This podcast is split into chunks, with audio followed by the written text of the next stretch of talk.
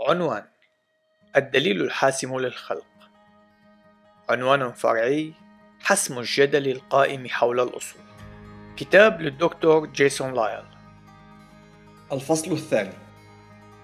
عنوان فرعي حسم الجدل. الشروط المسبقة لقابلية الوضوح وقابلية الفهم. من أجل أن تكون رؤية للعالم عقلانية ومن الممكن الدفاع عنها يجب أن تكون متماسكة ومتسقة داخليا أي أنها لا تحتوي أو تقود إلى تناقضات.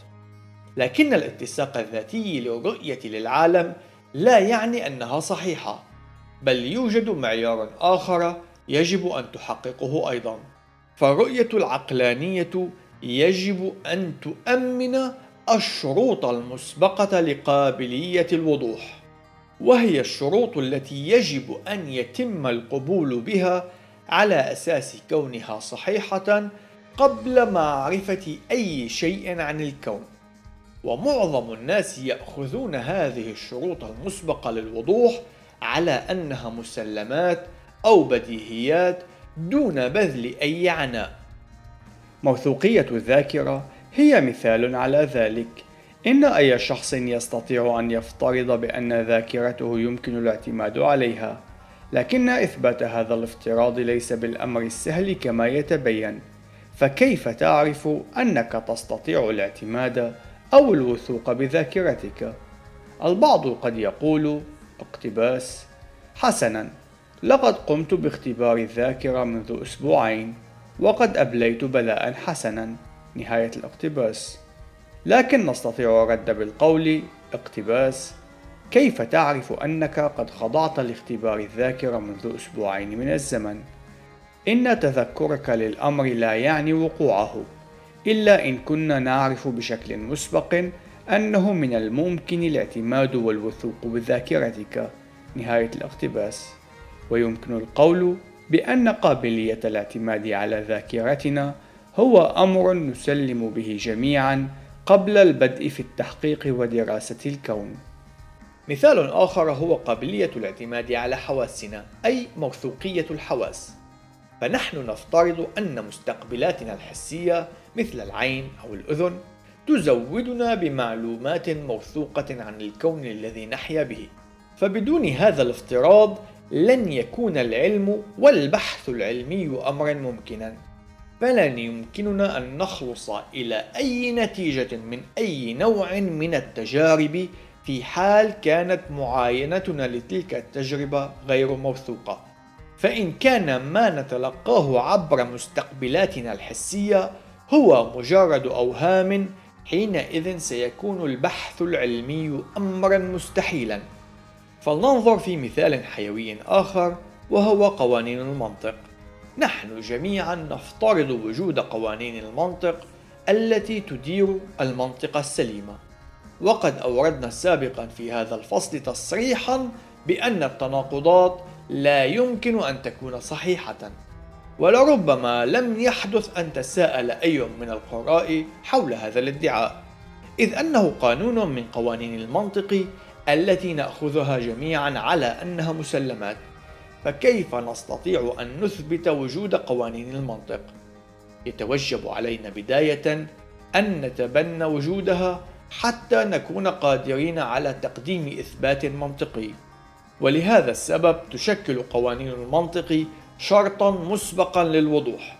فمن الواجب تبني هذه القوانين قبل أن نجادل حول أي شيء بما في ذلك المجادلة حول قوانين المنطق.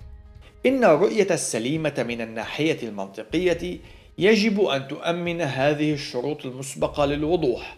ذلك أنه دون وجود هذه الشروط لن يكون من الممكن معرفة أي شيء عن الكون. يجب على كل من الخلقيين والتطوريين أن يفترضوا ويتبنوا هذه الشروط المسبقة للوضوح قبل البدء بالبحث عن المعرفة. لكن وكما سيتبين لنا في الفصل القادم بأن الرؤية الخلقية للعالم وحدها تستطيع أن تقدم تبريرا للشروط المسبقة للوضوح سواء كانت قوانين المنطق أو موثوقية الحواس والذاكرة. إذ أنه دون وجود تبرير منطقي للأمور التي نتبناها على أساس أنها مسلمات لن يكون من الممكن أن نثبت صحة أي من أفكارنا أو معايناتنا المتعلقة بالعالم وإن كانت معايناتنا وأفكارنا غير موثوقة فلن نكون في الحقيقة قادرين على أن نتيقن من أي شيء البتة وبالتالي فإنه فقط في ظل العالم المخلوق وفق الكتاب المقدس سيكون من الممكن الحصول على المعرفة حول أي شيء. الإصحاح الأول من سفر الأمثال في الآية السابعة يشير إلى أن بدء المعرفة هو من خلال الاحترام والطاعة للإله الذي يقدمه الكتاب المقدس.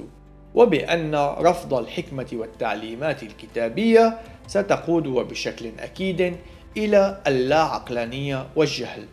هذا هو المفتاح للدليل الحاسم للخلق التوراتي وبصورة أشمل للكتاب المقدس ولرؤية المسيحية للعالم ولوجود الله.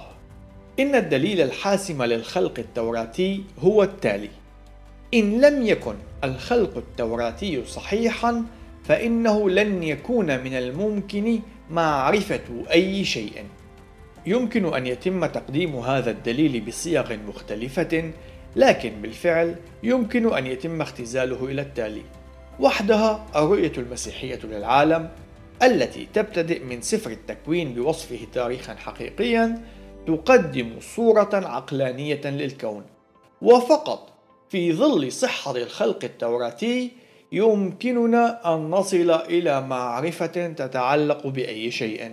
سيقفز البعض معترضين بشكل مباشر ليقولوا اقتباس لكن يوجد أشخاص لم يقرأوا حتى الكتاب المقدس ولا يؤمنون بالخلق وإنهم بالحقيقة يعرفون بعض الأشياء. نهاية الاقتباس. لكن هذا رد هو رد خاطئ. فهذا رد لا علاقة له بالادعاء الذي تم تقديمه. فلا أحد يناقش أن الأشخاص يجب أن يقرأوا الكتاب المقدس أو يعلنوا إيمانهم بالخلق حتى يعرفوا أي شيء.